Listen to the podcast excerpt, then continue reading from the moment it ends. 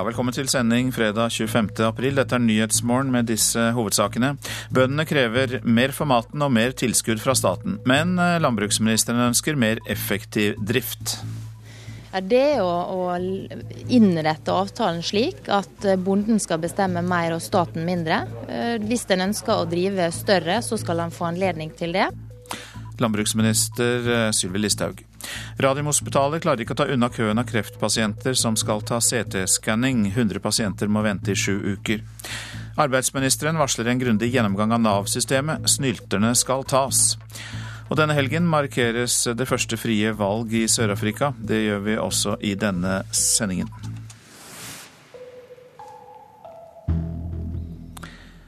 Bøndene krever mer for maten og mer tilskudd fra staten. Men landbruksministeren ønsker mer effektiv drift på flere gårdsbruk. I dag starter landbruksoppgjøret mellom staten og bøndene, og det er ventet å bli det vanskeligste på lenge. Her har jeg et fint, fint lam. Det kom til i går. Nye lam og grønne marker gjør våren til et eventyr for bondelagsleder Ola Andreas Brykkjedal i Rogaland. Det er ei ekstra fin tid å være bonde på. Når du får nytt liv i sauefjoset, så er det fantastisk å være bonde. Men om det også blir overskudd på gården hans, vil jordbruksforhandlingene avgjøre. I dag starter kampen om milliardene. Bøndene vil både ha mer for maten og mer i tilskudd fra staten. Det er ikke tvil om at vi lytter opp både priser og vi lytter øke budsjettoverføringer. Sier lederen for Norges Bondelag, Nils T. Bjørke. For første gang er Fremskrittspartiet og landbruks- og matminister Sylvi Listhaug bøndenes motpart i jordbruksoppgjøret. Ja, jeg mener at det, er opp til den enkelte bonde å bestemme hvordan han vil drive. Eh, Hvis en ønsker å drive større, så skal han få anledning til det. Det er den enkelte som er selvstendig næringsdrivende, ikke offentlig ansatt, som må få lov til å bestemme over utviklinga i sin egen bedrift. Hun vil ha igjen mer melk, mer kjøtt og større gårder for statssubsidiene til de selvstendige bøndene. Ja, det å, å innrette avtalen slik at bonden skal bestemme mer og staten mindre.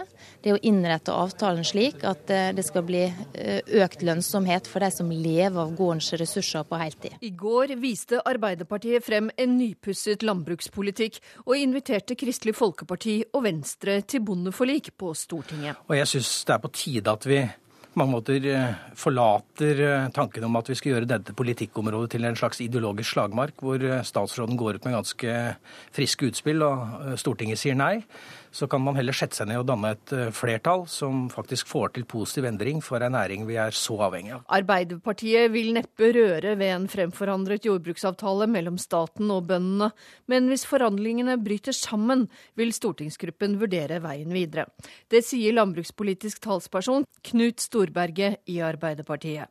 Og Bondelagets leder Nils T. Bjørke tror bøndene får drahjelp av Arbeiderpartiet, også i forhandlingene med staten, der landbruks- og matminister Sylvi Listhaug fra Fremskrittspartiet er bøndenes forhandlingsmotpart. Og det er jo helt klart I dag så er det et stortingsflertall som mener noe annet om landbruket enn regjeringen. Og Det er vel et signal om at regjeringen må ta Stortinget på alvor når de kommer fram med sitt tilbud. Våre reportere her, det var Hedvig Bjørgum, Line Tomter og Halvard Norum. Ungdom skal stoppes i døra og snylterne tas, det sier arbeidsminister Robert Eriksson. Nå varsler han en grundig gjennomgang av Nav-systemet. Arbeidsminister Robert Eriksson gir Nav-systemet kraftig kritikk i flere artikler i dag. Systemet er for tungt, innviklet og gir ikke det tilbudet det skal gi brukerne. For kort tid siden ble det satt ned et utvalg for å evaluere Nav. Allerede nå sier Eriksson at det blir endringer. Til Adresseavisen sier han at det må åpnes for flere anbudsordninger, slik at flere bedrifter kan hjelpe til med å få brukere på attføring tilbake i arbeid. Ungdom som vil inn i systemet skal snus i retning arbeidslivet, og det samme med brukere som ønsker å være mer aktive, men frykter for trygdegodene. Og kanskje viktigst, snylterne skal tas, sier han til Dagbladet. Eriksson sier, om enn i en litt humoristisk sammenligning, at dagens Nav-system er så omfattende at om du er litt lei deg for at du har mistet kjæresten din, så skal Nav-systemet hjelpe deg å finne en ny en. Ja, det sa reporter Jo Grunde Gudbrands. USAs utenriksminister John Kerry truer Russland med nye straffetiltak. Ifølge Kerry har ikke Russland tatt et eneste konkret steg i retning av å etterleve Genéve-avtalen de undertegnet med Ukraina i forrige uke. Han sier at russerne må betale dyrt dersom de fortsetter på samme kurs i Ukraina. Radiumhospitalet klarer ikke å ta unna køen av kreftpasienter som skal ta CT-skanning, som er en type røntgenfotografering. Rundt 100 pasienter har fått beskjed om at deres kontroller må utsettes i inntil sju uker. I verste fall kan det føre til at pasientene risikerer å bli sykere mens de venter. Altså, det vil jo kunne ta menneskeliv, er det første jeg faktisk tenker. Det sier Katrine Dale Vavold fra Hønefoss. 34-åringen har en aggressiv brystkrefttype og fikk i utgangspunktet beskjed om at hun skulle behandles på Radiumhospitalet, men valgte heller å bli behandlet på Vestre Viken Ringerike sykehus. Det er hun glad for nå. Å få de vurderingene en CT faktisk gir, er jo avgjørende om driver jeg nå og får en forferdelig grusom cellegift for ingenting, eller har det faktisk en effekt. Vanligvis tar man det andre tredje hver måned. Hvis det skal bli utsatt med noen uker, så er jo det et livstid for, eh, for meg, som det føles i hvert fall. da. På Radiumhospitalet står to topp moderne CT-skannere som bl.a. avdekker om pasienter som er under behandling, har fått nye kreftsvulster. Men ofte er maskinene ikke i bruk, til tross for at det er lange køer av pasienter som venter. Det sier stedfortredende seksjonsleder for radiologene, Kjetil Knutstad. Det som er årsaken, er at vi over mange år egentlig har hatt en underkapasitet på, på radiologer. Altså det har vært for få radiologer til å tolke bildene. Det er radiologene som vurderer bildene som blir tatt, og som ser hva slags kreft pasienten har. Fordi de er for få, får mange pasienter derfor beskjed om at timen deres må utsettes i opptil sju uker. Dette er både pasienter som skal ta bilder for å sjekke at de ikke har kreft, og pasienter som skal undersøke om cellegiften de går på fungerer. Er det en fare for at pasientene kan bli dårligere i løpet av en slik ventetid? Det er alltid en risiko for at eh, det kan komme tilbakefall av eh, kreften. Eh, og det kan jo skje i en sånn periode hvor det er ventetid. Så på den måten kan du si at det er en, en viss risiko. Det er det. Det er også en stor psykisk belastning å gå og vente. Det merker sykehuset, som hver dag får telefoner fra sinte og bekymrede pasienter som vil fremskynde sin time. Det sier Anne Bjørnstad, seksjonsleder for Radiografene. De er frustrerte og oppgitte over at ikke vi på en måte kan gi de tid innenfor det ønsket tidspunkt som de var egentlig på en måte forutsett til å få. I dag så snakket jeg med en av de damene som setter opp timer, og hun har sagt at hun har bare fått ti henvendelser i løpet av dagen på pasienter som ønsker å få fremskyndet sine timer. Mangelen på radiologer har vært et problem over mange år. Oslo universitetssykehus har bestemt at Radiumhospitalet skal få tilført fem nye stillinger, men effekten av dette vil man ikke se før ved nyåret. Nå trengs det strakstiltak, mener Knutstad. Ja, frem mot sommeren så omdisponerer vi en del av eh, personalet vårt uh, inn mot CT-tolkning, slik at vi får tatt unna en god del flere. Og I siste instans så finnes det mulighet for å sette inn ekstraordinære tiltak uh, hvor man kan lønne radiologene på kveldstid for å ta unna køa. Eh, men det er en litt større byråkratisk prosess som må gå opp til sykehusledelsen og siste instans direktøren før vi får lov til å sette i gang det. da. Reporter her, det var Hanne Roald. Denne helgen markeres Sør-Afrikas frigjøring. Søndag er det 20 år siden det første frie valget i Sør-Afrika etter apartheidregimets fall. Liv Tørres, du er med oss fra studio i Tromsø. God morgen til deg. Tusen takk. God morgen til deg òg. Du er generalsekretær i Norsk Folkehjelp, men du kjenner Sør-Afrika veldig godt også. Og hvordan markeres denne dagen? Den markeres eh, i store deler av landet, i de store byene i hvert fall, med markeringer og fest og feiring. Så er de vel litt forsiktige med å vise fram president Zuma akkurat nå, vil jeg tippe. Det har vært omfattende kritikk mot Zuma, som har økt i løpet av de siste månedene. Vi skal ha med oss at vi feirer på en måte nå to ting. Det ene er apartheidregimets fall, frigjøringen. Og det andre er demokratiets innføring. Når det gjelder det første, så er alle veldig glad for at apartheid falt. Alt ble bedre sånn sett etter det. Men når det gjelder demokratiets innføring, så har det gått litt opp og ned, og mange er svært frustrerte over at de ikke har fått mer ut av demokratiet. Tak over hodet, mat på bordet osv. Så videre. så, og der har det økt ganske betydelig med kritikk overfor ANC og ikke minst president Zuma de siste månedene. Vi skal eh, også ta med oss et glimt fra den personen eh, som virkelig har satt sitt eh, preg på Sør-Afrika de senere tiår. Nelson Mandela, selvfølgelig, da han talte til folket for første gang ved Cape Town rådhus i 1990. I therefore a place the remaining years of my life in your hands. Første tale etter at eh, Nelson Mandela ble løslatt. Og du var til stede, Liv Tørres. Hvordan var det? Jeg vet nesten ikke om det er mulig å beskrive det engang. Det var en ufattelig sterk stemning. Vi må, vi må, ha med oss at da hadde på en måte verden og sørafrikanerne ikke sett ham på, på 27 år, nesten. Mandela var eh, en heltefigur, selvfølgelig. Det var tusener på tusener på tusener i gatene. Ikke bare i Cape Town, hvor vi ventet på at han kom inn, og da så han komme og hørte han tale, men over hele Sør-Afrika. Og så var det jo selvfølgelig da også samtidig omfattende sikkerhetstiltak. Eh, eh, bevæpnede kjøretøy som sto liksom langs med alle innfartsveier til Cape Town. Helikoptre som lå, lå tett over plassen hvor han talte. Og mange var jo redd for at dette skulle ja, eksplodere. Men, eh, men ufattelig, ufattelig sterkt. Å minne om Nelson Mandela er jo noe mange tar med seg inn i denne feiringen, det er vi jo helt sikre på. Men du nevnte jo Jakob Zuma helt i starten av samtalen. og han gjemmes bort, sier du. Kan du si litt mer om hvorfor det?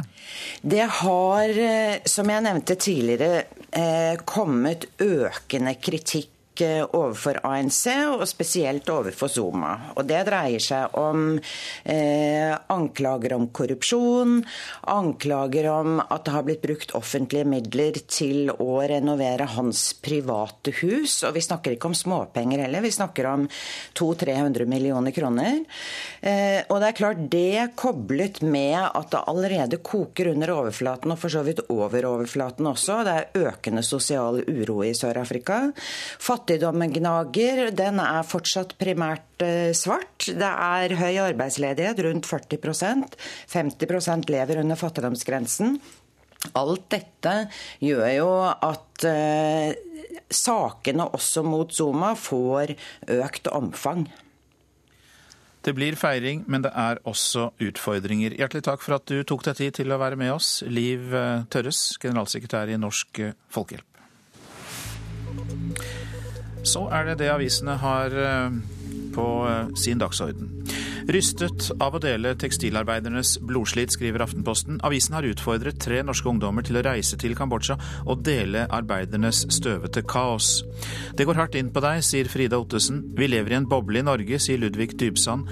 Anniken Jørgensen sier at hun setter mer pris på ting etter sine ni dager som tekstilarbeider i Kambodsja. Milliardærarvinger møtes på Jarlsberg gods til helgen for å endre Norge, kan vi lese i Dagens Næringsliv.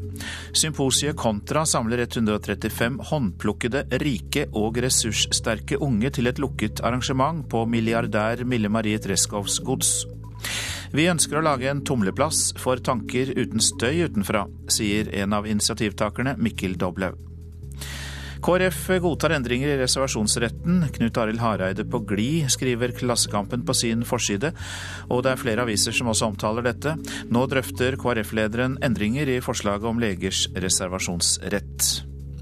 Investeringene i nye bygninger i landbruket har falt med 700 millioner kroner etter regjeringsskiftet i fjor, kan vi lese i Nasjonen. Bygging av fjøs er ned med 24% og traktorsalget bremser.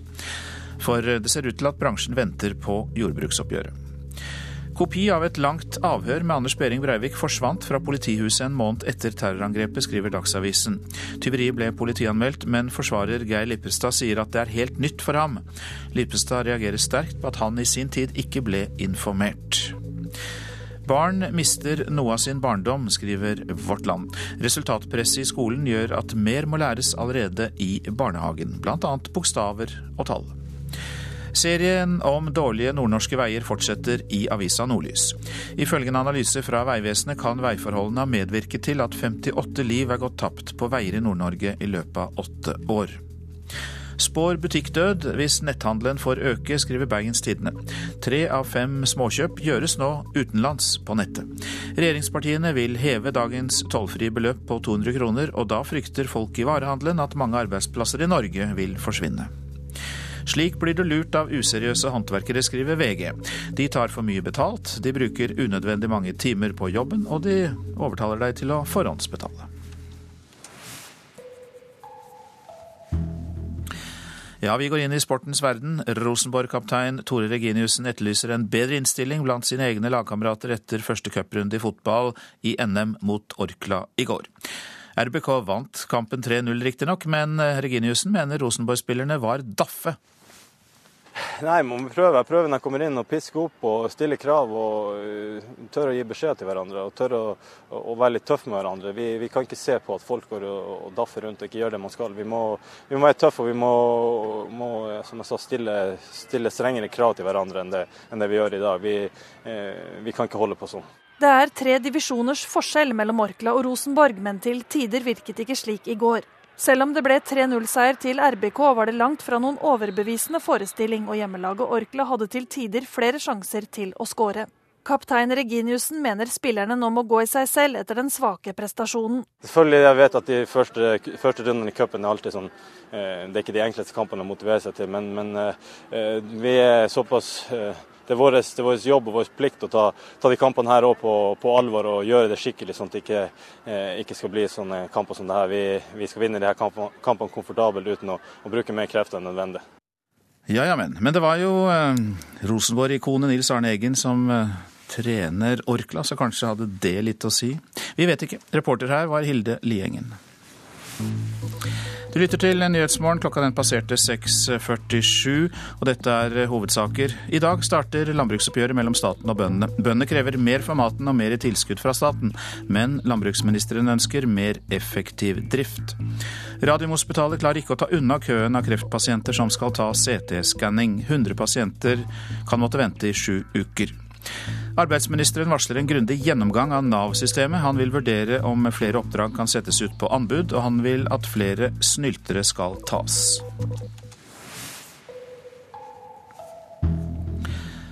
Storbrannen i Lærdal i Sogn i januar har ført til så mye arbeid for Lærdal kommune at administrasjonen må utsette behandlingen av mange saker. To kommunestyremøter er så langt avlyst fordi for få saker var klare til politisk behandling. Ordfører Jan Geir Solheim sier alle jobber mer enn vanlig arbeidstid. Likevel rekker de ikke over alt de burde. Vi har mye å gjøre i Lærdal. Hele administrasjonen jobber eh, med ting de ikke hadde tenkt å gjøre. Fordi det har vært en katastrofe her. Og, og da har det med å legge frem saker tatt lengre tid. Så det er jo uheldig, men sånn, eh, sånn eh, skjer altså nå i disse tider. I januar ble Lærdal råka av en av de verste brannene i norsk etterkrigstid. 40 bygninger brann ned, og over 70 mennesker mista heimene sine. Jobben med å bygge opp igjen Lærdalsøyri er så krevende at kommunen ikke rekker å behandle de ordinære sakene slik de burde. Solheim sier de prioriterer alt som gjelder unge og eldre, andre saker må ofte vente. Jeg har fått signal om at det er enkelte som er utålmodige nå og kunne forvente seg raskere saksbehandling. F.eks. samfunnsdelen av kommuneplanen vår, den den har jo ligget i ro. Og veldig mange sånne type planer, reguleringsplaner, eh, andre planer har blitt skyvet i tid. Så det, det, det, gjør noe med hele systemet vårt. Det gjør det.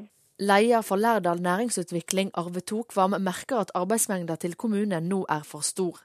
Men som omstillingskommune mener han det er viktig at også sakene som gjelder dette, blir behandla, og ikke bare utsatt. Det er jo viktig for oss å få effekt ut av av den, og at ikke han, eh, han nå kommer sånn bakpå at han, han, han mister litt av trykket. Så det å, å, å med, ha, komme inn til den utviklingstenkningen eh, eh, så fort som mulig, tror jeg er viktig. Og, da, og litt sånn psykologisk effekt, sant? At, han, at han begynner å tenke framover.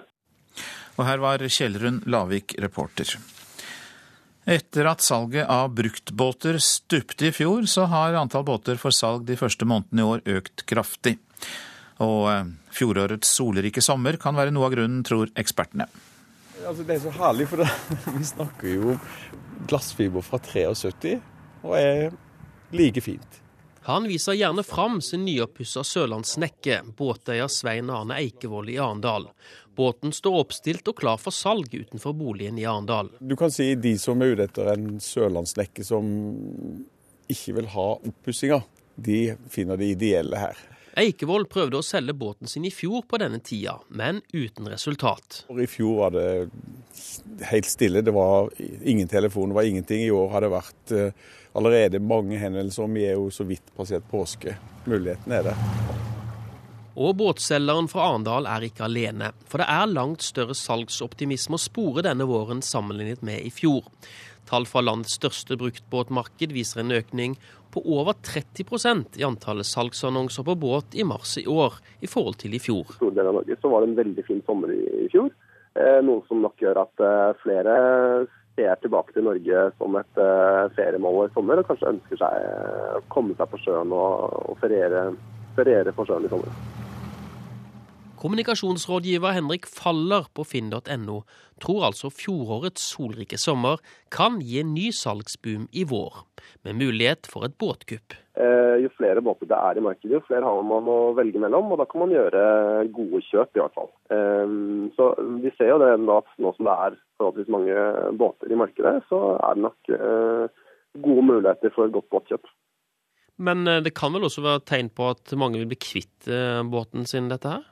Det kan være at uh, altså de siste årene at, uh, at, at, det er mange som har ventet litt. Uh, sittet litt på gjerdet med, med, med, å selge båten. og at de nå ser en lysning i båtmarkedet. At de nå benytter seg av muligheten for å, for å selge i et forholdsvis aktivt marked. Og båtselger Svein Arne Eikevold har god tro på å få solgt sin sørlandssnekke i løpet av våren. Hatt flere henvendelser, faktisk, og, og veldig seriøse henvendelser. Som, og det er jo det som er interessant. Hva tror du den flotte sommeren i fjor betyr for hva folk planlegger nå? Nei, Det tror jeg har alt å si. Det er, det, det er, den sommeren som gjør det, og det håper jeg jo for resten av bransjen. Og det er jo trist sånn som du ser rundt deg, så vi håper. For det er Salg av denne gjør jo at eh, det blir salg av nyere båter, og sånn er det jo. Ja, reporter her, det var eh, Erik Wiig Andersen. Kunstmiljøet i Stavanger er splittet, for årsmøtet i Kunstforeningen ga i går kveld grønt lys for å selge byens mest verdifulle skulptur. Dermed sendes Norges eneste skulptur av britiske Barbara Hepworth til London på auksjon for å redde kunsthallens økonomi. Jeg er veldig imot salg av den statuen, altså. For jeg mener det er et felleseie for byen, og det er et stort tap. Ingrid Solestvik er medlem i Stavanger kunstforening, omdøpt til Kunsthall. I går kveld kom hun til et fullstappet årsmøte for å protestere mot salget av en skulptur av britiske Barbara Hepworth. Skulpturen er ikke bare byens mest verdifulle, men også Norges eneste av denne anerkjente kunstneren. Det, det er akkurat som noe som er vårt, som er borte. Siden 1968, i 45 år, har den stått på plenen utenfor Kunstforeningen. Kjøpt for penger gitt i gave fra byens skulpturfond og byselskap. Men nå er den borte. Foreningsmedlem Rein Øverland er også opprørt. Jeg er ikke tjuveri, egentlig. Det var jo våre skattepenger som ble brukt. Onsdag før påske ble den over to meter høye bronseskulpturen brått skåret ned av auksjonshuset Kristis. Et galleri har oppfordret til boikott, og 261 personer har til nå skrevet under på et opprop mot salget. Styret må enten selge skulpturen eller nedlegge kunsthallen. Ordstyrer Kristen Minos stilte årsmøtet overfor et ultimatum. Selv om det egentlig var oppført som en orienteringssak, ble det åpnet for avstemning om salget pga. de sterke følelsene i saken. Derfor er det to enkle alternativer for eller imot. Dette fikk Kunstforeningens medlem Ole Bjørn Rongen til å reagere. Akkurat nå føler jeg at dere har ført oss eh, medlemmer bak lyset. Flere kritikere dro fram at det må finnes andre alternativer, og blant dem er Marit Ånestad. Det hører ingen plass hjemme å fjerne skulpturen fra byen og fra Norge. De burde funnet seg et lokale som er mer egnet, billigere å drifte. ikke ødelegge hele økonomien, og kanskje også være mer publikumsretta. Men da det kom til avstemning, fikk styret grønt lys for salget. De som går mot salget, avgir stemmetegn. 15 stemte mot, 41 stemte for. Dermed blir skulpturen, som nå blir tatt hånd om av Christies, solgt på auksjon i London i juni. Vi har sikra at vi kan ta vare på bygget. Og vi har sikra at det er en forutsigbarhet for de ansatte. Vi har sikra at vi kan kjøre i gang et program. Dette er en stor dag for kunsten i Stavanger. Sier styreleder Eirik Mo i Kunsthallen, som ikke vil kommentere om det er satt noen minstepris i kontrakten. Nå vet vi jo ikke hva denne auksjonen vil eh, gi av resultat, men vi har, vi har tro på at vi vil få et godt beløp. Reporter i Stavanger, Anette Johansen Espeland. Det er urovekkende at, ikke, at det finnes så lite fagkompetanse blant lærerne i estetiske fag, sier kulturminister Toril Vidvei. Sammen med kunnskapsministeren så fikk hun i går overrakt en ny rapport med ti konkrete tiltak for å forbedre opplæringen i kunst og kultur i skolen. Det er jo urovekkende, for det er jo veldig viktig at man har et høyt nivå eh, kvalitativt eh, til både kulturformidlerne, kunstformidlerne og, eh, og lærerne i, i skolen sånn at barn eh, får et godt tilbud. Det sa kulturminister Toril Vidvei da regjeringen i går mottok rapporten med ti konkrete tiltak for hvordan man skal forbedre opplæringen i kunst og kultur i skolen. Ekspertutvalget som har skrevet rapporten, kaller nemlig andelen fagkompetente lærere i estetiske fag alarmerende lav. Dette bekymrer også kunnskapsminister Torbjørn Røe Isaksen. Altså jeg, jeg, bruker sjelden ord som alarmerende og den type ting, men det tallene viser, det er at det er eh, litt over 30% som har det kan, man kan kalle fordypning innenfor de estetiske fagene, og det er jo veldig lite. Så det er en veldig relevant problemstilling og en uh, veldig viktig påpekning fra utvalget. Ekspertutvalget foreslår dermed å stille krav til fagkompetanse, også blant musikk- og kunst- og håndverklærere i grunnskolen. Dette klinger godt i ørene til lederen for Musikernes Fellesorganisasjon, Hans Ole Rian. Det skal stilles krav til fagkompetanse i alle fag i hele grunnopplæringa.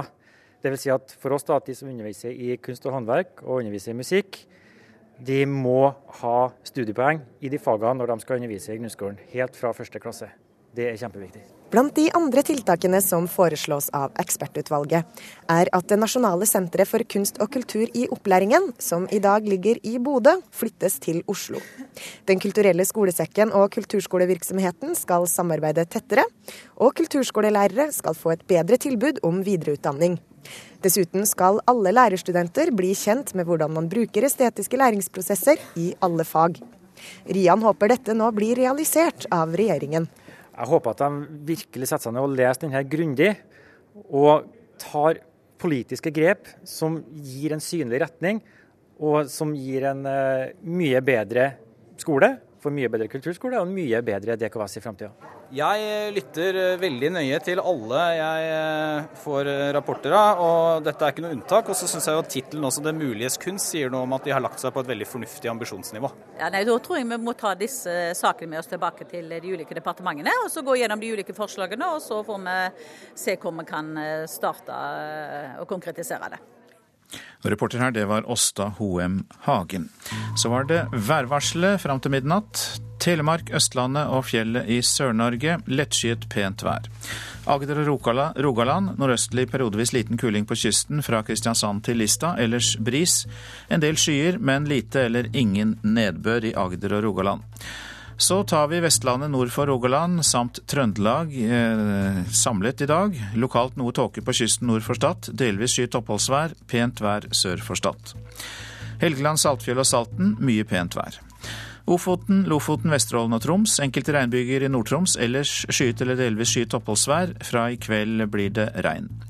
Finnmark. I kyst- og fjordstrøkene ventes enkelte regn- og sluddbyger. Snøbyger i øst. Ellers stort sett Eh, skyet oppholdsvær i Finnmark. Nordensjøland på Spitsbergen, etter hvert litt snø blir det der. Temperaturer målt klokka fem. Svalbard minus 11. Kirkenes og Vardø null. Og så er tre grader den mest populære temperaturen i dag. Det er det nemlig i Alta, Tromsø, Bodø, Brønnøysund og Trondheim. Molde fire, Bergen sju, Stavanger åtte, Kristiansand, Kjevik ni. Gardermoen og Lillehammer null, Røros minus sju og Oslo-Blindern pluss tre. Hør ekko. Vil din arbeidsplass ta imot nye kolleger som tror de er Jesus eller Gud? Ekspertene sier at alvorlig psykisk syke blir friskere av å jobbe. Og statsministeren er med. Jeg vil oppfordre arbeidsgivere til å ansette flere som har et hull i CV-en. Hva venter vi på når arbeid er den beste behandling? Ekko 9 11 i NRK P2. Det er altfor mange trygdesnyltere i Norge, mener arbeidsministeren. Nå vil han endevende hele Nav-systemet. Bygg jernbane på påler, det er billigere og raskere, mener professor. Her er NRK Dagsnytt klokka sju. Ungdom skal stoppes i døra til Nav, og snylterne skal tas. Det sier arbeidsminister Robert Eriksson. Nå varsler han en grundig gjennomgang av Nav-systemet. Arbeidsminister Robert Eriksson gir Nav-systemet kraftig kritikk i flere aviser i dag. Systemet er for tungt, innviklet og gir ikke det tilbudet det skal gi brukerne. For kort tid siden ble det satt ned et utvalg for å evaluere Nav. Allerede nå sier Eriksson at det blir endringer. Til Adresseavisen sier han at det må åpnes for flere anbudsordninger, slik at flere bedrifter kan hjelpe til med å få brukere på attføring tilbake i arbeid. I Dagbladet sier han at ungdom som vil inn i systemet, skal snus i retning arbeidslivet. Det samme med brukere som ønsker å være mer aktive, men frykter for trygdegodene. Og kanskje viktigst, snyltere skal tas. Reporter var Jo Grunde Gudbrands. Et langt og sensitivt avhør av terrordømte Anders Behring Breivik forsvant fra et låst kontor på politihuset i Oslo i august 2011. Spesialenheten for politisaker mener politiansatte står bak tyveriet, skriver Dagsavisen. Ingen av Breiviks forsvarere har vært kjent med at avhøret var stjålet. Spesialenheten mente at det ikke var behov for å varsle noen da tyveriet ble oppdaget. Det vil være både billigere og raskere å bygge jernbane på påler fremfor på bakkeplan. Det mener professor Øystein Noreng ved BI. Noreng har laget en rapport om jernbanebygging fra Halden mot Gøteborg på oppdrag fra bl.a. Oslo kommune. Har du fire-fem meter opp i høyden, så har du, da, har, har du veien eller jernbanen. Og det er ikke noe problem med flom, ikke sant? ras og sånt, det går under. Og det er veldig mange sånne hensyn som tilsier at vi burde tenke på dette. Og jeg tror også selve byggekostnader, hvis du kan bygge dette på forhånd og bare kjøre det utover, så vil du kunne få kilometerprisen ganske ned. Og Jernbaneverket sier forslaget vil bli tatt med i planarbeidet. Amerikanske forskere som overvåker det nordkoreanske atomvåpenprogrammet, tror at landet nå forbereder sin fjerde prøvesprengning. Nye satellittbilder som ble tatt for bare to dager siden, viser ytterligere aktivitet ved Pungeri-anlegget, der Nord-Korea tidligere har gjennomført prøvesprengninger, sier forskerne. Også i natt avskiltet politiet i Oslo-området en russebuss. Årsaken var at bussen hadde for mange passasjerer om bord. Det samme skjedde med en russebuss i Sandvika i Bærum i går, og politiet har beslaglagt førerkortet til begge sjåførene. NRK Dagsnytt, Anne Jetlund Hansen.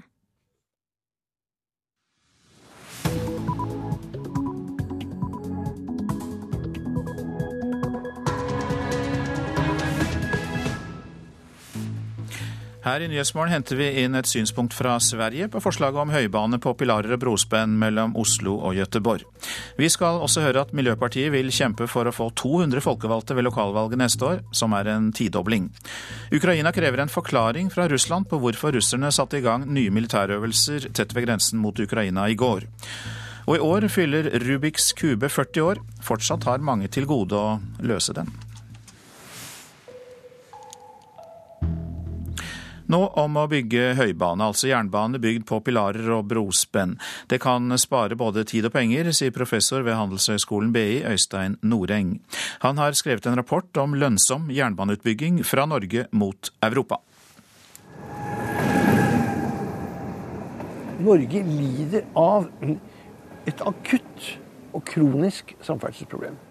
Øystein Noreng er mest kjent som professor i oljeøkonomi.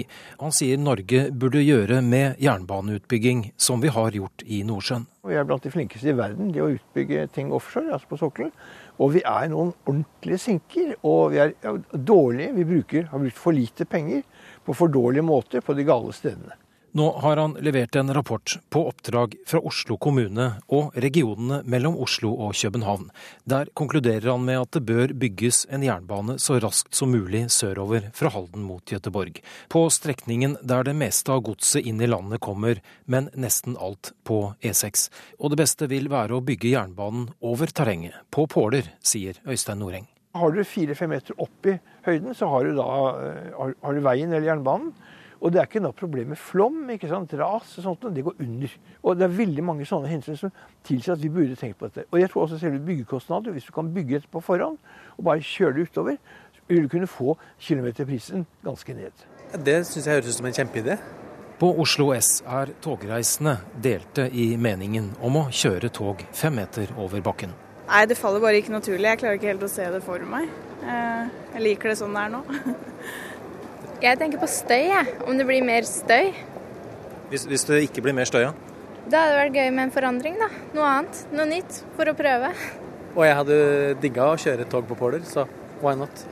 Jernbaneverket skal snart i gang med å planlegge strekningen fra Halden mot grensen og videre mot Gøteborg, sammen med det svenske Trafikkverket. Assisterende jernbanedirektør Gunnar Løvaas sier de er opptatt av å tenke nytt. Ja, det skal vi gjøre. Og vi eh, regner med at vi skal starte arbeidet med å se på eh, muligheten for å bygge ny jernbane mellom Norge og Sverige om ikke så veldig lenge. Og da klart da tar vi med oss disse ideene inn, inn i det arbeidet. Pengene, det er ikke det som er begrensningen her. Da kommer alle de andre begrensningene til syne. Vår evne til å tenke nytt, vår evne til å organisere ting, vår evne til å være, være smartere. Den eh, oppfordringen kom fra BI-professor Øystein Noreng, og reporter var Lars Håkon Pedersen. Nå har vi kontakt med Per Korshammer med oss fra, på linje fra Malmö. God morgen til deg. God morgen, Norge. Takk skal du ha. Du er jernbaneekspert og enhetssjef i rådgivningsselskapet Rambøll, og har utredet muligheter for å bygge ny jernbane i høyden på pilarer og brospenn både i Sverige og Norge. Og ja, blir det billigere og raskere å gjøre det slik?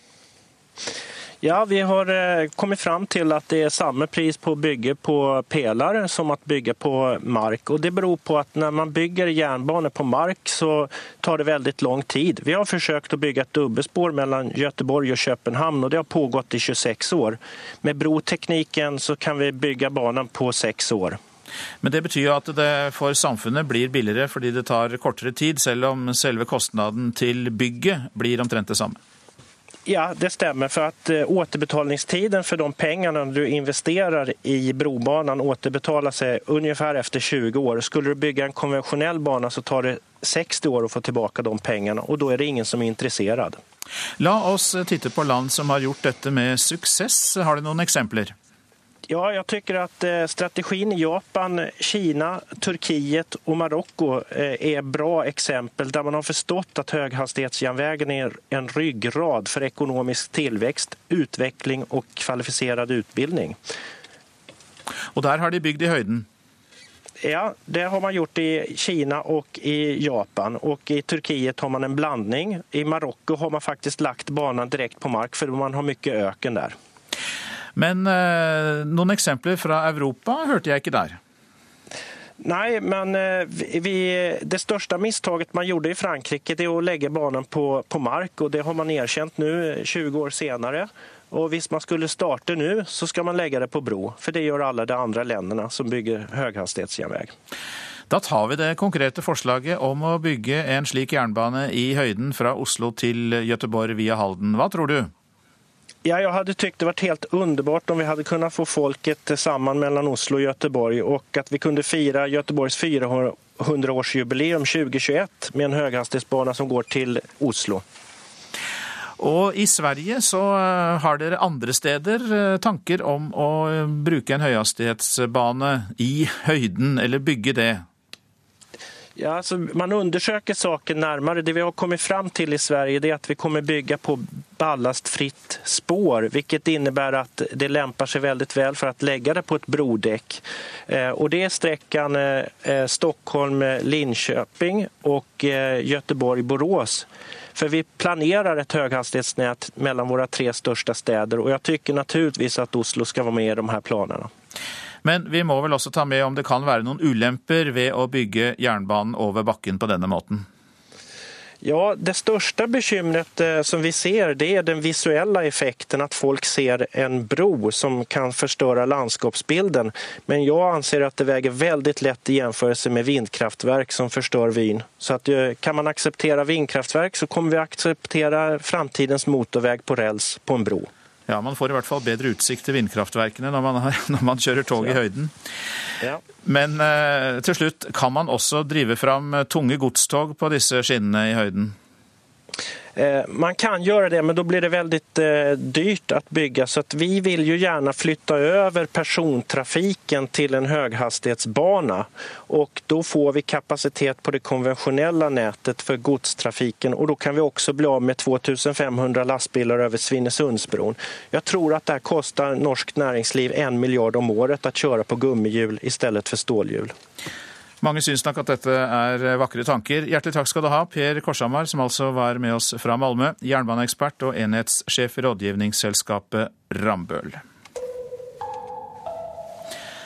Så tar vi for oss norsk politikk. Miljøpartiet De Grønne ønsker seg 200 folkevalgte rundt i landet ved lokalvalget i 2015. Det vil i så fall bli en tidobling.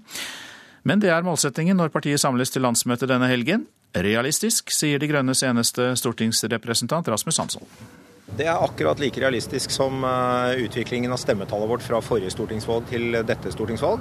Det var en tidobling. Eh, medlemstallet vårt mangedoblet seg, og vi har vokst på meningsmålingene etter det.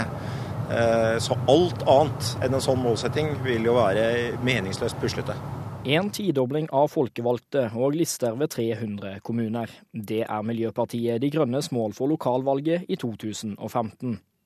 For lokalpolitikken er viktig for De Grønne, sier partiets eneste stortingsrepresentant Rasmus Hansson. Vi vil eh, forandre norsk politikk eh, i bærekraftig retning mye fortere enn eh, de andre partiene. Da må vi ha forankring på bakken. Da må vi utdanne flinke folk. Da må vi bygge opp en partiorganisasjon som er god til å drive politikk. Det arbeidet går selvfølgelig gjennom lokalpolitikken. Miljøpartiet De Grønne skal samles til landsmøte denne helga. Der skal planene for hvordan partiet skal nå målet legges. Og Rasmus Hansson er klar på at alt annet enn 200 folkevalgte etter valget i 2015 ikke vil være godt nok. Jeg blir fornøyd når vi passerer 200 eh, grønne representanter i eh, 200 kommunestyrer. Kan ikke ha lavere ambisjoner enn det. Og så blir jeg fornøyd når vi eh, kommer inn på neste storting i 2017, eh, solid over sperregrensa. Reportere her, det var Henrik Agledal og Rima Iraki. Lars Nehru Sand, god morgen til deg. Takk, takk. Du er politisk kommentator i NRK, så hvordan er De Grønnes eh, sjanser til å nå dette målet, tror du? Det er vanskelig å si eh, hvis man skal støtte seg til forskningen, rett og slett fordi at eh, tallene fra for da snart tre, tre, år siden er for gamle. Men det er ingen tvil om at veksten til Miljøpartiet De Grønne skjer veldig raskt. Så om ikke det blir så stor vekst som de selv håper på, så er det veldig sterk grunn til å tro at de får en vesentlig større representasjon eh, lokalt ved lokalvalget, og at de også har gode sjanser til å nå sperregrensen i, eh, i 2017. Men kanskje litt skummelt for Venstre og SV. Det er jo partier med grønne programmer. Kan vi risikere for deres del eh, en viss politisk kannibalisme her? Ja, Det vil jo variere veldig fra kommune til kommune. Eh, hvis man ser på lokalvalget først. Eh, Miljøpartiet står allerede sterkt i en del av våre viktigste storbyer og universitetsbyer.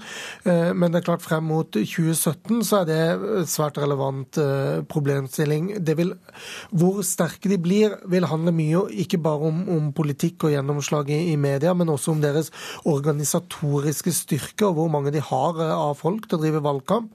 Så spesielt mellom SV SV og Miljøpartiet De Grønne, så kan det fort bli ganske jevnt. Og så er det som du nevnte da slik at eh, først og fremst er et uh, byfenomen nå. Men hva skal til for at de skal uh, gripe hele landet? Ja, Det er jo først og fremst at de får sterke lokallag også i eh, områder hvor man ikke Eller utenfor storbyområdene, da. Og så må de selv også vurdere om man skal satse veldig bredt eh, geografisk, eller om man skal satse veldig konsentrert inn mot de byene og fylkene en fire-fem i tallet, hvor de har eh, sjanse til å komme inn på Stortinget i 2017. For de fem eh, representanter i 2017, så har de jo tross alt femdobla sin representasjon på Stortinget. Og nå er det altså landsmøte, vi skal ikke glemme det. Hva blir det spennende og viktigste av eh, saker der? Ja, Det mest spennende sånn utad blir kanskje om de velger en partileder og innfører den uh, modellen vi er vant til fra andre partier, nemlig én leder, og at det er naturlig da å velge Rasmus Hansson, som er stortingsrepresentant og den som har lettest tilgang på den offentlige debatten. Uh, men så er det også Det er jo ikke valgår, så de behandler ikke noe partiprogram, men i et ungt parti så er det mange interessante uh, både interne og, og mer saksmessige diskusjoner for De Grønnes del. selvfølgelig Eh, knyttet til hvor sterkt man skal eh, stå på kravene om, eh, for å få til en rask omlegging til et bærekraftig samfunn. Ja, Så det er ikke full og vakker enighet om alle miljøsakene i Miljøpartiet heller? Er i hvert fall det som går i skjæringspunktet med bærekraft, som kommer inn på en del økonomiske politikk, og, og ikke minst hvilke virkemidler man skal velge, så er det fortsatt eh, debatt. Da blir det spennende. Hjertelig takk, Lars Nehru Sand, som er vår politiske kommentator. Dette er Nyhetsmorgen. Klokka er passert nettopp kvart over sju, og dette er noen av våre hovedsaker. Jernbane bygd i høyden på pilarer og brospenn kan spare både tid og penger, sier professor ved Handelshøyskolen BI Øystein Noreng, som foreslår slik høybane mellom Oslo og Gøteborg. Ungdom skal stoppes i døra til Nav og snylterne tas, det sier arbeidsminister Robert Eriksson. Han varsler en grundig gjennomgang av Nav-systemet. Amerikanske forskere som overvåker det nordkoreanske atomvåpenprogrammet, tror at landet nå forbereder sin fjerde prøvesprengning. Men vi har ikke glemt situasjonen i Ukraina. For landet krever en forklaring fra Russland på hvorfor russerne satte i gang nye militærøvelser tett ved grensen mot Ukraina i går. Samtidig diskuterte Ukrainas fungerende president det som skjedde i Slavjansk i går, med den hviterussiske presidenten Aleksandr Lukasjenko. Moskva-korrespondent Hans-Wilhelm Steinfeld, du er med oss når vi diskuterer dette. Og hvilken rolle spiller Lukasjenko i konflikten mellom Ukraina og Russland? Jo, utrolig nok så gikk mannen som kalles Europas siste diktator, Aleksandr Lukasjenko av Belarus, ut rett etter at Putin invaderte Krim, annekterte halvøyen og sa dette skaper en dårlig presedens. Og denne uken har Moskva-pressen skrevet i, ved flere anledninger at Lukasjenko spiller på begge sider av konflikten mellom Ukraina og Russland. Ja, jeg har trodd at Lukasjenko var Putins beste venn, men her er han altså kritisk? Ja, og i går så diskuterte han med fungerende president i Kiev, Oleksandr eh, Turchinov, situasjonen i Slavjansk, hvor inntil syv mennesker ifølge russisk fjernsyn ble drept i går. For alle slavere vet at martyrer og blodsofre er eksplosive i sånne indre konflikter. Der hørtes det ut som vi mistet eh, Hans-Wilhelm Steinfeld. Eh, vi kan jo høre om han fortsatt er der. Nei, vi har litt problemer med det. Men eh, vi legger altså da også til at Amnesty International krever også hva som klarlagt hva som skjedde i Slavjansk i går, i tillegg til at dette også var tema for de politiske samtalene. Da legger vi Ukraina til side foreløpig og ser om vi kan komme tilbake til det. Nå om at Hamas ikke kommer til å bli representert i den nye palestinske regjeringen. Det sier palestinernes visestatsminister Mohammed Mustafa i et eksklusivt intervju med NRK. Mustafa deltok sammen med utenriksministrene for USA og Norge på en stor pengeinnsamlingsmiddag for palestinerne i den amerikanske hovedstaden i går. Det var USAs utenriksminister som hadde invitert rundt 200 potensielle investorer, samt nåværende og tidligere politikere til middag for å få privat kapital interessert i utviklingen av palestinske områder. Den palestinske visestatsministeren Mohammed Mustafa var opptatt av å forsikre om at den nye forsoningen med Hamas ikke vil få store konsekvenser for selvstyremyndighetenes politikk han svarte slik på NRKs spørsmål om Hamas vil bli representert i regjeringen, som skal utnevnes i løpet av fem uker.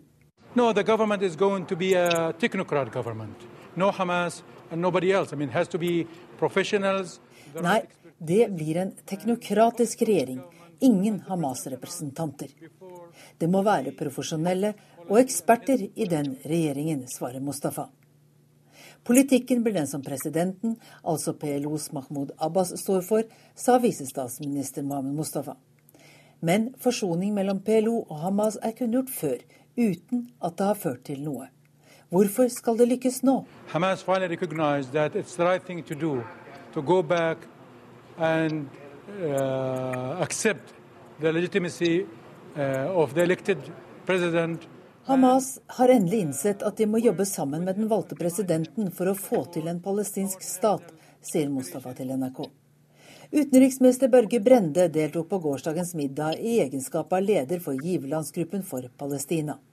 Han kunne etterpå fortelle at utenriksminister Kerry lanserte en storstilt plan for å skape én million nye arbeidsplasser i løpet av 15 år i de palestinske områdene, ved hjelp av privat kapital fra hele verden. Det er mange milliarder som vil bli investert. Det skal være konferanser over hele verden hvor man eh, skal få eh, næringsdrivende med seg og investere i en fremtid for eh, Palestina. Fra energiområdet til skoler til industrisatsinger. Så det er et imponerende og viktig initiativ fra den amerikanske administrasjonen. Det vil bli vanskeligere å lokke privat kapital til Palestina uten en avtale om tostatsløsning, medgir Brende. I går trakk Israel seg fra fredsforhandlingene med henvisning til forsoningsavtalen mellom PLO og Hamas. Groholm, Washington. Og Da har vi heldigvis kontakt med Moskva-korrespondent Hans-Wilhelm Steinfeld igjen. og Da går vi rett på dette med at Ukrainas president uttalte seg om Russlands nye militærøvelser som startet i går. Hva sa han? Jo, Oleksandr Torsjinov sa at han vil ha en forklaring på hvorfor russerne så brått startet disse militærøvelsene, og at 100 000 ukrainere står klar til å gripe til våpen for å forsvare landet. Med andre ord, krysser russerne grensen, blir det en stor krig i Sentral-Europa. Og Russland sier at deres øvelser avspeiler økt Nato-virksomhet. Hvor pågår den? Jo, For det første så er det to store amerikanske fregatter i Svartehavet utenfor Odessa. I tillegg så har luftaktivitetene til Nato over de tre baltiske Nato-statene og Polen økt på. Og Russlands forsvarsminister Sjajgu kobler de pågående grenseøvelsene her i Russland også med aktiviteten eh, til Nato, men kobler det òg til det som skjedde i Slavjansk i går, der syv mennesker ble drept. Hvis vi igjen går ned på bakken i det østlige Ukraina, er det tegn til at uroen blant russerne i Donetsk-regionen sprer seg mer i sørøst-Ukraina? Nei, det er rundt gruvebyen Danetsk det er erklært en egen republikk, mens store byer som, som, som f.eks. Dnepropetrovsk og Kharkov, som er delt mellom russere og ukrainere, der er det roligere. Så det er vel et poeng at det er en liten hard kjerne av russiske nasjonalister som ved hjelp av russernes oppmuntringer, ikke minst gjennom massemediene, blåser til ilden i sørøst-Ukraina. Og hva skjer med gassleveransene? Leveransene som er så viktige fra, til Ukraina fra Russland midt oppi alt dette? Ingen dato er satt for nye samtaler mellom EU, Russland og Ukraina, og her må russerne balansere på en knivsegg. EU er deres største handelspartner. Mannen som sannsynligvis vinner presidentvalget i Ukraina 25. mai, sier han straks vil gå i gang med å diversifisere energikildene til Ukraina. Vi snakker om Pjotr Parosjenko, som sa dette til NRK i påsken. Og russerne må være litt forsiktige for å ikke å tape markedsandeler i Europa Europa. Men nå er det ikke dialogens tid, nå er det konfrontasjonens tid.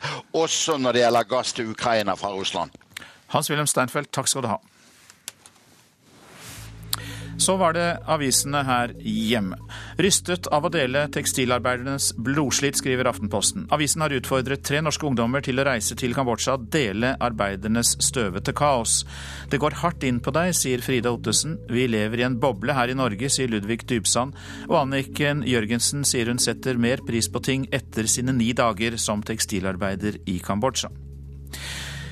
Milliardærarvinger møtes på Jarlsberg gods til helgen for å endre Norge. Det kan vi lese i Dagens Næringsliv. Symposiet Kontra samler 135 håndplukkede, rike og ressurssterke unge til, å, til et lukket arrangement på milliardær Mille Marie Treschows gods. Vi ønsker å lage en tumleplass for tanker uten støy utenfra, sier en av initiativtakerne, Mikkel Doblaug. KrF godtar endringer i reservasjonsretten. Knut Arild Hareide er på glid, skriver Klassekampen og flere andre aviser. Nå drøfter KrF-lederen endringer i forslaget om legers reservasjonsrett. Investeringene i nye bygninger i landbruket har falt med 700 millioner kroner etter regjeringsskiftet i fjor, kan vi lese i Nasjonen. Byggingen av fjøs er ned 24% og traktorsalget bremser. For bransjen venter på jordbruksoppgjøret. Kopi av et langt avhør med Anders Behring Breivik forsvant fra politihuset en måned etter terrorangrepet, det skriver Dagsavisen. Tyveriet ble politianmeldt, men forsvarer Geir Lippestad sier det er helt nytt for ham. Lippestad reagerer sterkt på at han i sin tid ikke ble informert. Barn mister noe av sin barndom, skriver Vårt Land på sin forside. Resultatpresset i skolen gjør at mer nå må læres allerede i barnehagen, bl.a. bokstaver og tall. Serien om dårlige nordnorske veier fortsetter i nordlys. Ifølge en analyse fra Vegvesenet kan veiforholdene ha medvirket til at 58 liv er gått tapt på veier i Nord-Norge i løpet av åtte år. Spår butikkdød hvis netthandelen får øke, skriver Bergens Tidende. Tre av fem småkjøp gjøres nå utenlands på nettet. Regjeringspartiene vil heve dagens tollfrie beløp på 200 kroner, og da frykter folk i varehandelen at mange arbeidsplasser i Norge vil forsvinne. Slik blir du lurt av useriøse håndverkere, skriver VG. De tar for mye betalt, de bruker unødig mange timer på jobben, og de overtaler deg til å forhåndsbetale.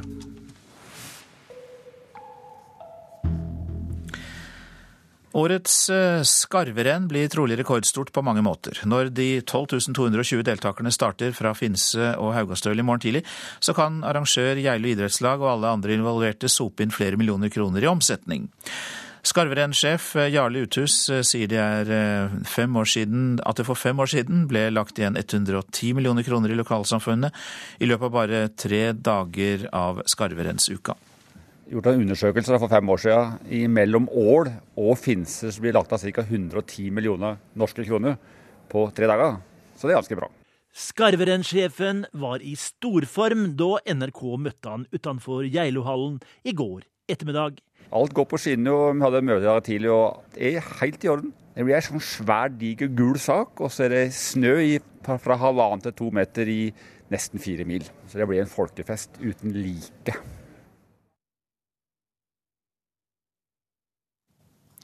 Reporter var Gunnar Grimstveit. Den eh, kom som en farsott på 1970-tallet, og mange har nok eh, fremdeles til gode å løse den. I år fyller Rubiks kube 40 år, og i den anledning har kuben fått sin egen utstilling.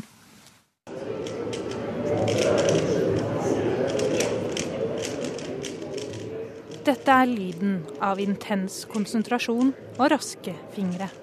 Om lag 15 sekunder bruker de virkelig drevne til å løse Rubiks kube. Den fargerike lille plastikkuben har skapt hodebry for og aktivisert millioner av mennesker verden over. I år fyller den 40 år. For mannen bak, selveste Rubik, har kuben blitt som en del av familien. Uh, my, my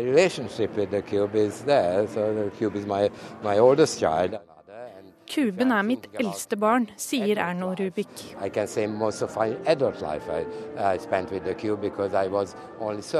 Mesteparten av mitt voksne liv har jeg tilbrakt sammen med kuben. Jeg var jo bare 30 år da jeg lagde den, fortsetter Rubik. Historien startet da ungarske Erno Rubik, den gang en ung professor i interiørdesign, ville gi elevene sine en praktisk oppgave i geometri. Han ville vise dem at geometri ikke er statisk. At oppfinnelsen han utviklet skulle bli en av verdens mest solgte leketøy, hadde han verken planlagt eller forestilt seg. Uh, Det er veldig interessant.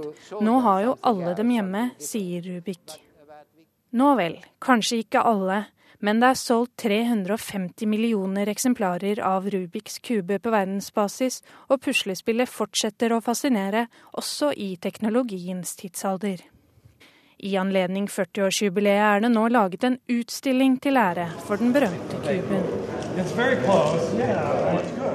På Vitenskapssenteret i New Jersey er et gigantisk lokale fylt opp med kuber i alle størrelser og materialer. It's hard to show them something else, something different. But, but we, we were able to do that because the cube has so many uh. Det er vanskelig å vise publikum noe nytt, men vi har klart det, for kuben har så mange forskjellige sider. Og den har inspirert så mange, sier Erno Rubik. Utstillingen inneholder bl.a. Rubiks første prototype, laget av tre og gummistrikker. Også verdens dyreste versjon i gull og diamanter kan du finne her. Prislappen på den er svimlende 15 millioner kroner. Selvsagt er det også mulig å teste ut om du klarer å knekke koden på Rubiks kube.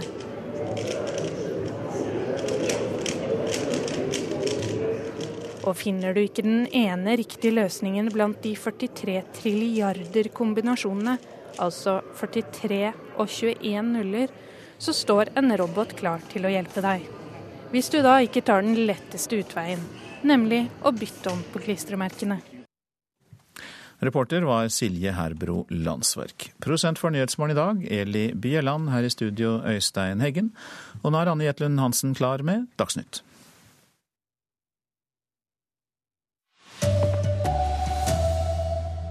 Russland må betale dyrt dersom landet ikke endrer kurs i Ukraina, advarer USAs utenriksminister. Landbruksministeren vil ikke øke tilskuddet til bøndene. Å bygge jernbane på påler, det er både billigere og bedre, mener professor. Her er NRK Dagsnytt, klokka er 7.30. Det blir en kostbar tabbe for Russland dersom landet ikke endrer kurs i Ukraina. Det sier USAs utenriksminister John Kerry. Han varsler nye straffetiltak dersom Moskva ikke ligger unna Ukraina.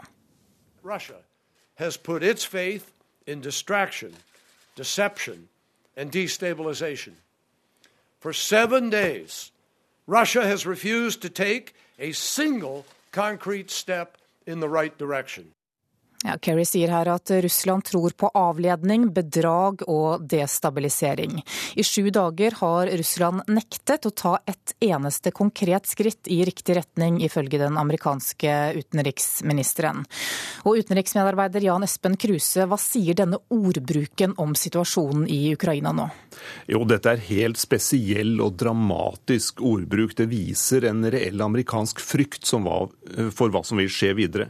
Eh, det viser også at de er engstelige for hva russerne vil gjøre. De øver jo nå militært, eh, og amerikanerne sier at dette er en alvorlig provokasjon langs grensa til Ukraina.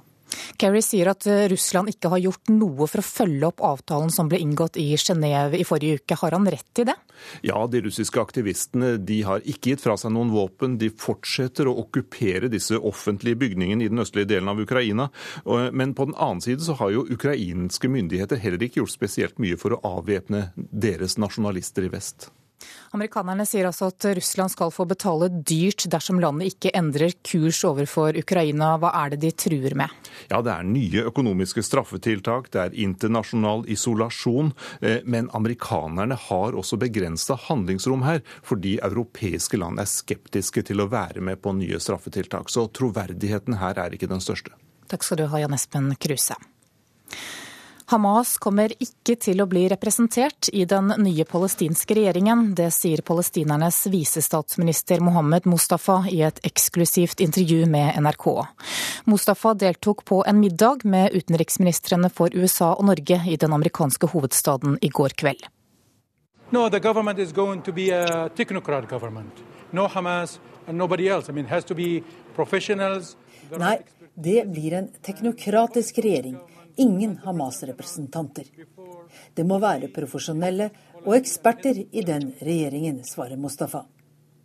Politikken blir den som presidenten, altså PLOs Mahmoud Abbas, står for, sa visestatsminister Mohammed Mustafa. Men forsoning mellom PLO og Hamas er kunngjort før, uten at det har ført til noe. Hvorfor skal det lykkes nå? Hamas finally recognized that it's the right thing to do, to go back and uh, accept the legitimacy uh, of the elected president. Hamas har endelig innsett at de må jobbe sammen med den valgte presidenten for å få til en palestinsk stat, sier Mustafa til NRK. Groholm, Washington.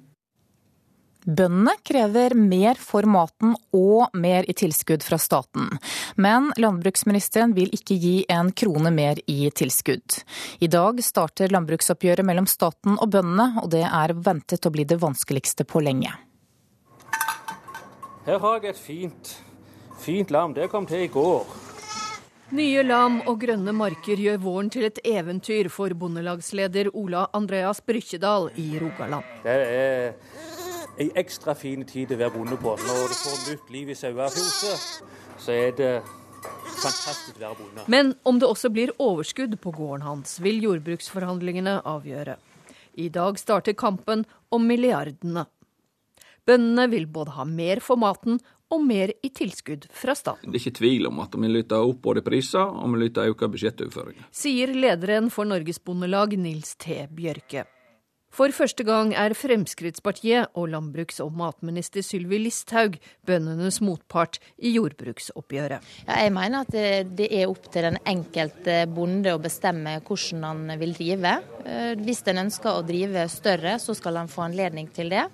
Det er den enkelte som er selvstendig næringsdrivende, ikke offentlig ansatt, som må få lov til å bestemme over utviklinga i sin egen bedrift. Hun vil ha igjen mer melk, mer kjøtt og større gårder for statssubsidiene til de selvstendige bøndene. Ja, det å, å innrette avtalen slik at bonden skal bestemme mer og staten mindre. Det å innrette avtalen slik at eh, det skal bli eh, økt lønnsomhet for de som lever av gårdens ressurser på heltid. Reportere var Hedvig Bjørgum, Line Tomter og Halvard Norum. En fremtidig jernbane fra Halden mot Gøteborg bør bygges på påler over bakken. Det mener professor Øystein Noreng ved BI. Han har undersøkt lønnsomheten i et slikt prosjekt på oppdrag fra Oslo kommune. Det syns jeg høres ut som en kjempeidé sier en togpassasjer på Oslo S. Og ideen er å bygge jernbane på påler, eller en fast bro i terrenget rundt fem meter over bakken. I første omgang på strekningen fra Halden mot Gøteborg. Det blir billigere, enklere og mer lønnsomt enn en bakkebasert jernbane, sier BI-professor Øystein Noreng. Og det er ikke noe problem med flom, ikke sant? ras og sånt, det går under. Og det er veldig mange sånne hensyn som tilsier at vi burde tenkt på dette. Og jeg tror også selve byggekostnader, hvis du kan bygge dette på forhånd og bare kjøre det utover, vil du kunne få kilometerprisen ganske ned. Rapporten fra Noreng er bestilt av Oslo kommune, og inngår i et prosjekt for bedre jernbane mot Europa, der alle regionene fra Oslo til København er med. I Jernbaneverket ser man på en slik jernbaneløsning over bakkeplan som en mulighet, sier assisterende jernbanedirektør Gunnar Løvaas det er mange elementer i det han trekker fram rundt dette med, med ferdig modulbasert eh, utbygging som er spennende. Og vi er opptatt av kostnadsnivået på jernbaneutbygging. Og det er en utfordring for oss at det er dyrt å bygge i Norge. Så håper jeg det kunne bli da en, et eksempel for andre ting i Norge. Det er veldig viktig, fordi at Norge lider av et akutt og kronisk samferdselsproblem. Det mente professor Øystein Noreng, og reporter var Lars Håkon Pedersen. Kreftpasienter må vente i inntil sju uker på å få CT-skanning ved Radiumhospitalet. Undersøkelsen skal avdekke om pasientene har fått nye kreftsvulster, men sykehuset har ikke nok radiologer til å tolke bildene fra disse undersøkelsene. Og i verste fall så kan det føre til at pasientene blir sykere mens de venter. Altså, det vil jo kunne ta menneskeliv, er det første jeg faktisk tenker. Det sier Katrine Dale Vavold fra Hønefoss. 34-åringen har en aggressiv brystkrefttype, og fikk i utgangspunktet beskjed om at hun skulle behandles på Radiumhospitalet, men valgte heller å bli behandlet på Vestre Viken Ringerike sykehus. Det er hun glad for nå. Å få de vurderingene en CT faktisk gir, det som er årsaken, er at vi over eh, mange år egentlig har hatt en underkapasitet på, på radiologer. Altså det har vært for få radiologer til å tolke bildene. Det sier stedfortredende seksjonsleder for radiologene, Kjetil Knutstad. Fordi de er for få, får mange pasienter derfor beskjed om at timen deres må utsettes i opptil sju uker. Dette er både pasienter som skal ta bilder for å sjekke at de ikke har kreft, og pasienter som skal undersøke om cellegiften de går på fungerer. Det er alltid en risiko for at eh, det kan komme tilbakefall av eh, kreften. Eh, og det kan jo skje i en sånn periode hvor det er ventetid. Oslo universitetssykehus har bestemt at Radiumhospitalet skal få tilført fem nye stillinger, men effekten av dette vil man ikke se før ved nyåret. Reporter var Hanne Roald. Fotballspiller Nikki Bille Nilsen er glad for alkoholforbudet Rosenborg har pålagt ham. Ledelsen i Rosenborg bekreftet i går at Nilsen får fortsette i klubben, men betingelsen er at han ikke rører alkohol. Alkoholforbud er slet ikke noe problem. Altså, tvert imot så kan jeg bruke min tid på noe annet konstruktivt. Det er ikke sånn som om jeg sitter der hjemme og, og har bruk for alkohol overhodet ikke. Jeg har ikke noe problem med det. Jeg drikker ikke mer enn en andre gjør. Fortalte Nikki Bille Nilsen etter den etterlengtede bekreftelsen om at han igjen er inne i Rosenborg-varmen. At danskens fortsettelse i Trondheim kreves å være totalt fri for alkohol, mener han kun er positivt. For etter en rekke negative episoder på byen, sist nå i påsken der han i København ble siktet for vold mot en politimann, ønsker Billy Nilsen Alconnecten velkommen. Selv om det ikke var hans egen idé. Nei, det var klubben der foreslo det for meg. Og det har jeg ikke noe å diskutere om, for det syns jeg bare er en fin idé. Det sa Nikke Bille Nilsen, og reporter var Thomas Lerdal. Ansvarlig for denne Dagsnytt-sendingen var Gro Arneberg, teknisk ansvarlig Hans Ole Hummelvold, og her i studio Anne Jetlund Hansen.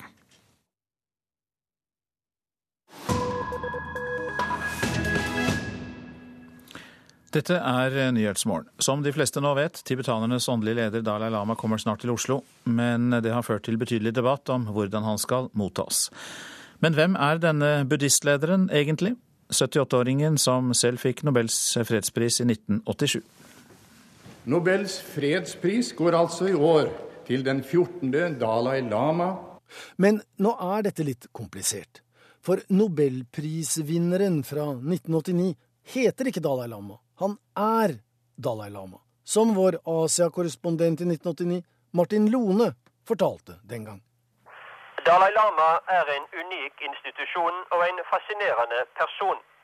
I den tibetanske buddhismen er Dalai Lama det åndelige overhodet. Fritt oversatt så betyr det lærer, altså en mann som med sin visdom og klokskap skal lede og rettlede sitt folk i religiøse spørsmål. Men siden Tibet fra gammelt av var et teokrati, altså et prestestyre, så blir den fremste åndelige lederen også den fremste verdslige lederen, med andre ord et slags statsoverhode, i den grad tibetanere den gang hadde verdslige tilbøyeligheter. Men for den 14. Dalai Lama så ble det verdslige tidlig en utfordring. Like etter at kommunistene tok makten i Kina i 1949, invaderte de Tibet. Og etter den endelige kinesiske maktovertagelsen i 1959 så flyktet den unge Dalai Lama til India, der han siden har levd i eksil. Nå reiser han rundt og sprer sitt buddhistisk-gandhiske budskap. Vold avler vold, sier Dalai Lama. Generally speaking, through violence you may achieve something, but often creates another even bigger problem. Livet så ganske annerledes ut den 6. juli 1935, da den fattige bonden Cho Kyong Tsering og hans hustru Diki Tsering fikk enda et barn. En liten gutt som de kalte Lamo Tondup. Etter en omfattende prosess med syn og åpenbaringer samt tegn i sol og måne, så ble den lille gjenkjent og godkjent som den gjenfødte Dalai Lama, og han ble den 14. i rekken. Han har hele sitt voksne liv vært opptatt av menneskerettigheter, men det vakte oppriktig undring da den gamle munken fra Himalaya i forrige måned i et intervju med Larry King sa at han ikke hadde noe problem med homofile. Det er en privat sak, sa mannen som kun kjenner sølibatet. What about same-sex marriage? That's up to the country's law. What do you feel personally about it? That's okay. I think individual business. Dalai Lama med det sivile tilleggsnavnet Tenzin Gyatso, har heller ikke noe problem med at to av samme kjønn gifter seg. Det er en privatsak. Han gir i det hele tatt inntrykk av nærmest å være liberal i sosiale spørsmål. Han har referert til seg selv som feminist. Women should take more active role in the society. Han er abortmotstander, men ikke av pavlige dimensjoner. Det kommer an på smerten og lidelsen i svangerskapet. lot of complication, lot of suffering, herself or family, then some exceptional case must be there. Dalai Lama er en antikapitalist som samler inn store summer til Tibets sak. Han er dødsstraffmotstander, men forsøker ikke å stanse tibetanske munker som brenner seg i hjel i protestaksjoner mot kineserne. Han er omstridt både som teolog og demokrat. Men det er ingen grunn til å tvile. Hans forhold til Beijing er adskillig vanskeligere og mer anstrengt enn Norges. Og det var Joar Hoel Larsen som hadde laget denne reportasjen. Dette er Nyhetsmorgen, dette er eh, våre hovedsaker. Russland må betale dyrt dersom landet ikke endrer kurs i Ukraina, advarer USAs utenriksminister John Kerry. Jernbane bygd i høyden på pilarer og brospenn kan spare både tid og penger, sier professor ved Handelshøyskolen BI Øystein Noreng. Han foreslår høybane mellom Oslo og Gøteborg. Ungdom skal stoppes i døra til Nav og snylterne tas. Ja, det sier arbeidsminister Robert Eriksson. Nå varsler han en grundig gjennomgang av Nav-systemet. Og landbruksministeren vil ikke øke tilskuddet til bøndene, og krever mer effektiv drift. Bøndene krever mer for maten og mer i tilskudd fra staten. Landbruksoppgjøret starter i dag. Men her og nå i Nyhetsmorgen, Politisk kvarter.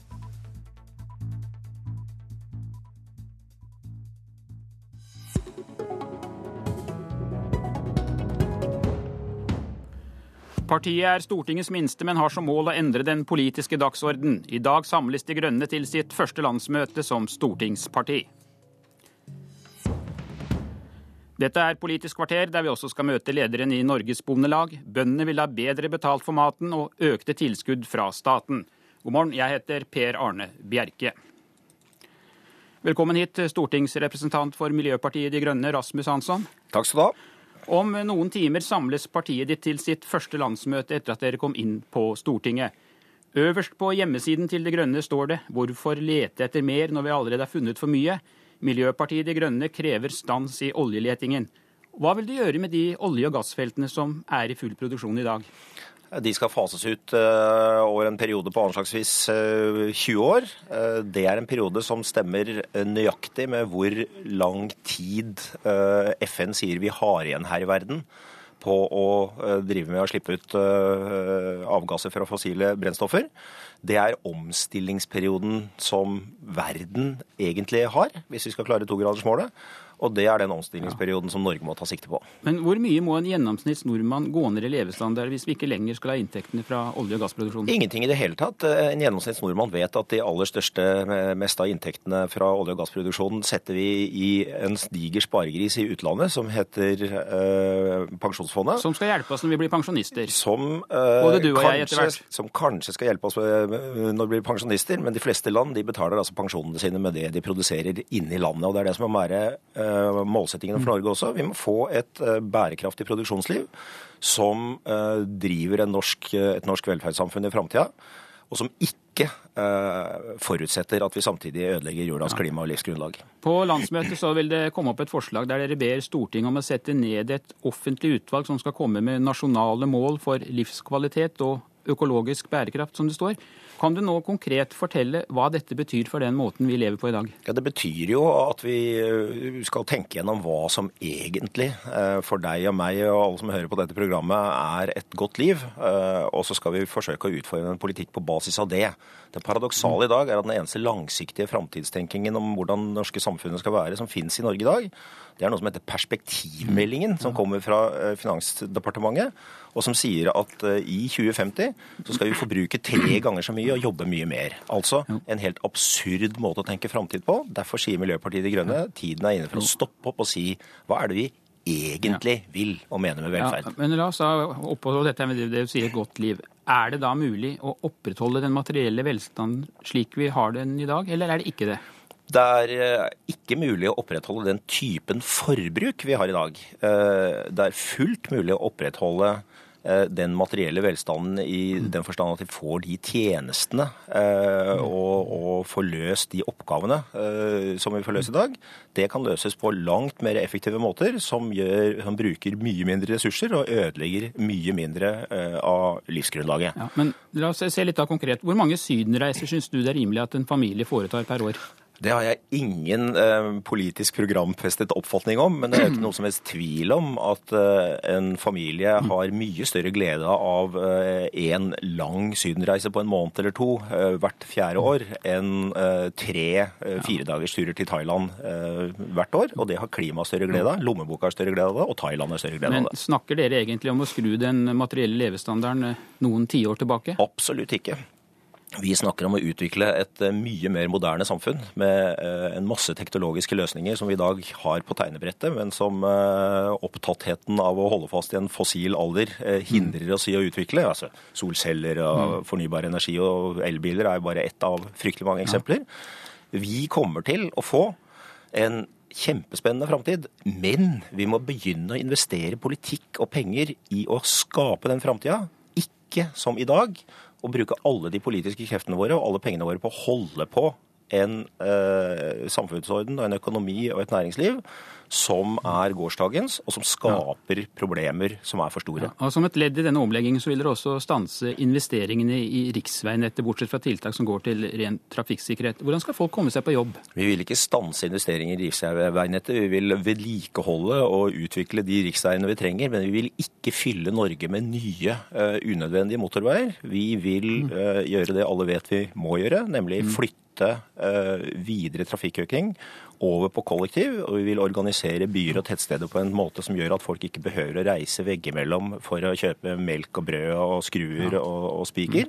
Eh, Det blir gode byer eh, og tettsteder. Eh, Det blir bedre liv, og det blir et mer effektivt liv enn å sitte halve dagen i bil. Men Rasmus Hansson, nå vet du like godt som meg at Norge er grisgrendt og tynt befolket. Hvor realistisk er det å bygge ut kollektivtrafikken til hver eneste bygd i vårt langstrakte land? Det er ikke realistisk i det hele tatt, og derfor så er det jo heller ikke sånn at eh, alt som er av bilkjøring osv. skal legges ned. Vi snakker om å uh, ta de store uh, trafikkårene, de store trafikkstrømmene, og gjøre dem eh, mer bærekraftige og effektive. Men altså ikke minst organisere og planlegge eh, byene og tettstedene på en måte som reduserer dette i stor grad unødvendige og, og også negative Jo, men la oss eh, holde oss litt til dette med veier, for dere vil også forby import av biler som bare drives med bensin eller diesel fra Ja, neste år.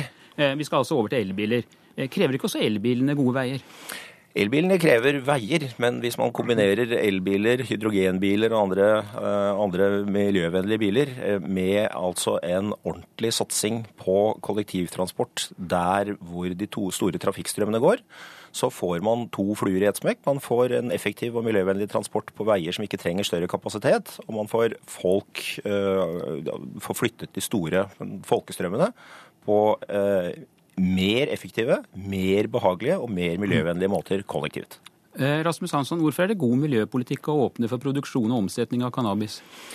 Det vet jeg ikke om er god miljøpolitikk. Men det står i programmet deres. Eh, Det står at eh, vi skal eh, utrede og sette i gang et forsøk med det. Og det er fordi at det er bred enighet i både norske og internasjonale fagmiljøer om at den typen narkotikapolitikk vi har i dag, fungerer fryktelig dårlig. Norge har europarekord i overdosedødsfall, og alt Miljøpartiet De Grønne sier er dette syns vi er et så stort problem at vi må prøve ut nye uh, metoder. Og vi prøver altså ut de metodene som svært mange fagfolk uh, anbefaler. Og så skal vi på basis av erfaringer og det fagfolk sier, gjøre oss opp en mening om hva som er best. Vi har et helt udogmatisk forhold til dette her. Alt vi sier er det er ikke godt nok nå, vi er nødt til å tenke nytt og lære. Takk skal du ha for at du kom hit, Rasmus Hansmann, og lykke til med landsmøtet i Miljøpartiet De Grønne. Mange takk.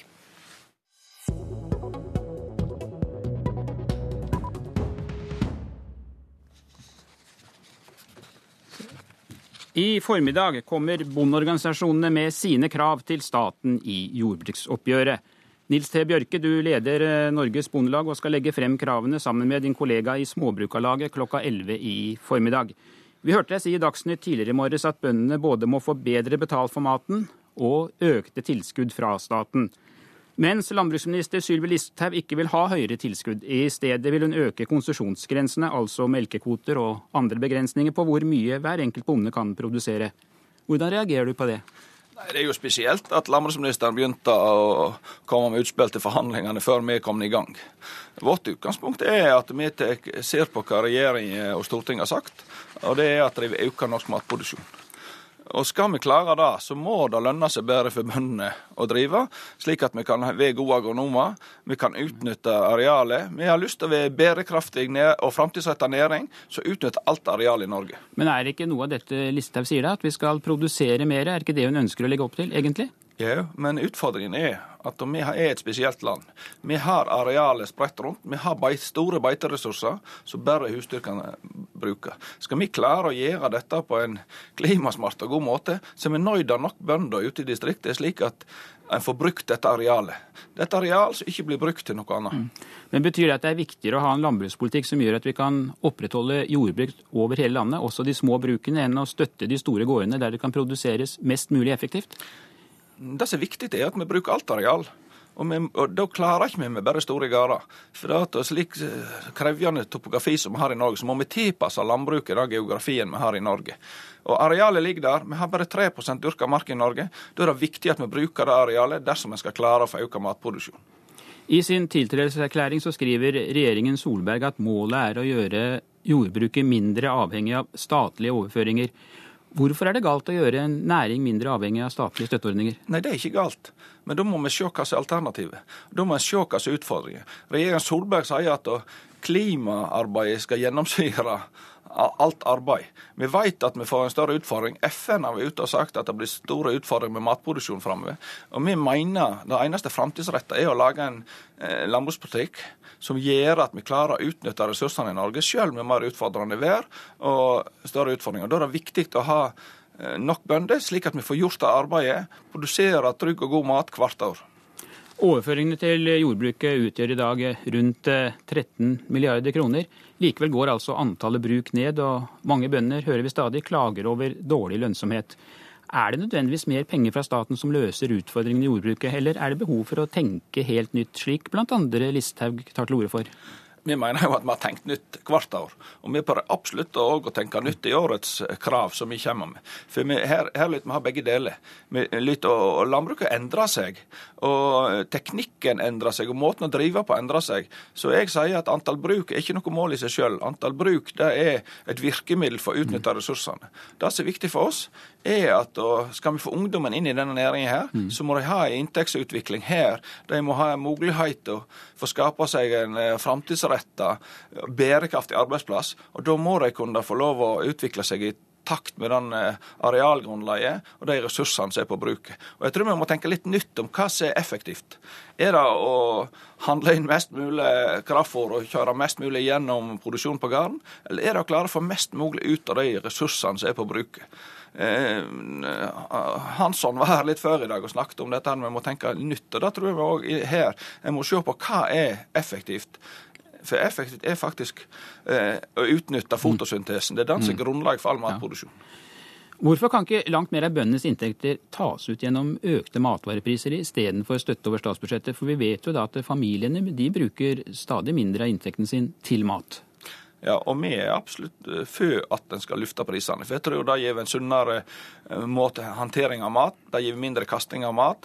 Eh, så vi har lyst til å løfte prisene, men vi kan ikke løfte dem mer enn det tollvernet gir grunnlag for. Vi å ha priser som gjør at næringsmiddelindustrien klarer seg. Eh, norsk eh, bønder og landbruket og norsk næringsmiddelindustri er gjensidig avhengig av hverandre. Så vi må finne en balanse, slik at òg de klarer seg i markedet med internasjonal konkurranse. Men tror du det er eh, betalingsvilje blant folk hvis de norske produktene er gode nok? Det store flertallet i Norge vil faktisk ha norsk mat. De vil ha en eh, mat så de vet hvordan det er produsert. De vil ha en mat med lite bruk av antibiotika og sprøytemiddel. Men eh, det er ikke tvil om at vi òg må ha grensevernet hvis vi skal klare å opprettholde og øke et norsk matproduksjon. Det er jo knyttet veldig stor spenning til årets oppgjør fordi vi for første gang har en eh, landbruksminister fra Fremskrittspartiet. Tror det blir vanskeligere eller enklere å komme fram til enighet når vi har fått en landbruksminister fra et parti som jo tradisjonelt har vært imot den landbrukspolitikken som har vært ført her i mange tiår? Det som er sikkert, er at det skaper mer usikkerhet i forhold til jordbruksforhandlingene. Men vi prøver å ta utgangspunkt i det som regjering og storting har sagt. Og vi forventer at med en mindretallsregjering, så vil de òg se på hva stortingsflertallet mener. Og hvis det, de er enige om målet om å øke matproduksjon, og det blir utgangspunktet for forhandlingene, så mener vi at det må råd få til en avtale. Hvilket håp har de at Stortinget skal gi dere mer penger hvis det blir brudd i forhandlingene med staten? Nei, vi forhandler med staten før å få til en avtale. Og så forventer jeg faktisk at regjeringen legger fram et tilbud som har ryggdekning i Stortinget. Takk skal du ha for at du kom hit til Politisk kvarter, leder i Norges Bondelag, Nils T. Bjørke snakker eh, Så skal vi høre om KrF, for eh, i formiddag er det landsstyremøte i Kristelig Folkeparti. Partileder Knut Arild Hareide han sier til Vårt Land at partiet kan droppe regjeringens forslag om eh, legers mulighet til å reservere seg mot å henvise til abort. Forutsetningen for at KrF skal gå med på andre løsninger, er at hensynet både til kvinnene og legene blir ivaretatt.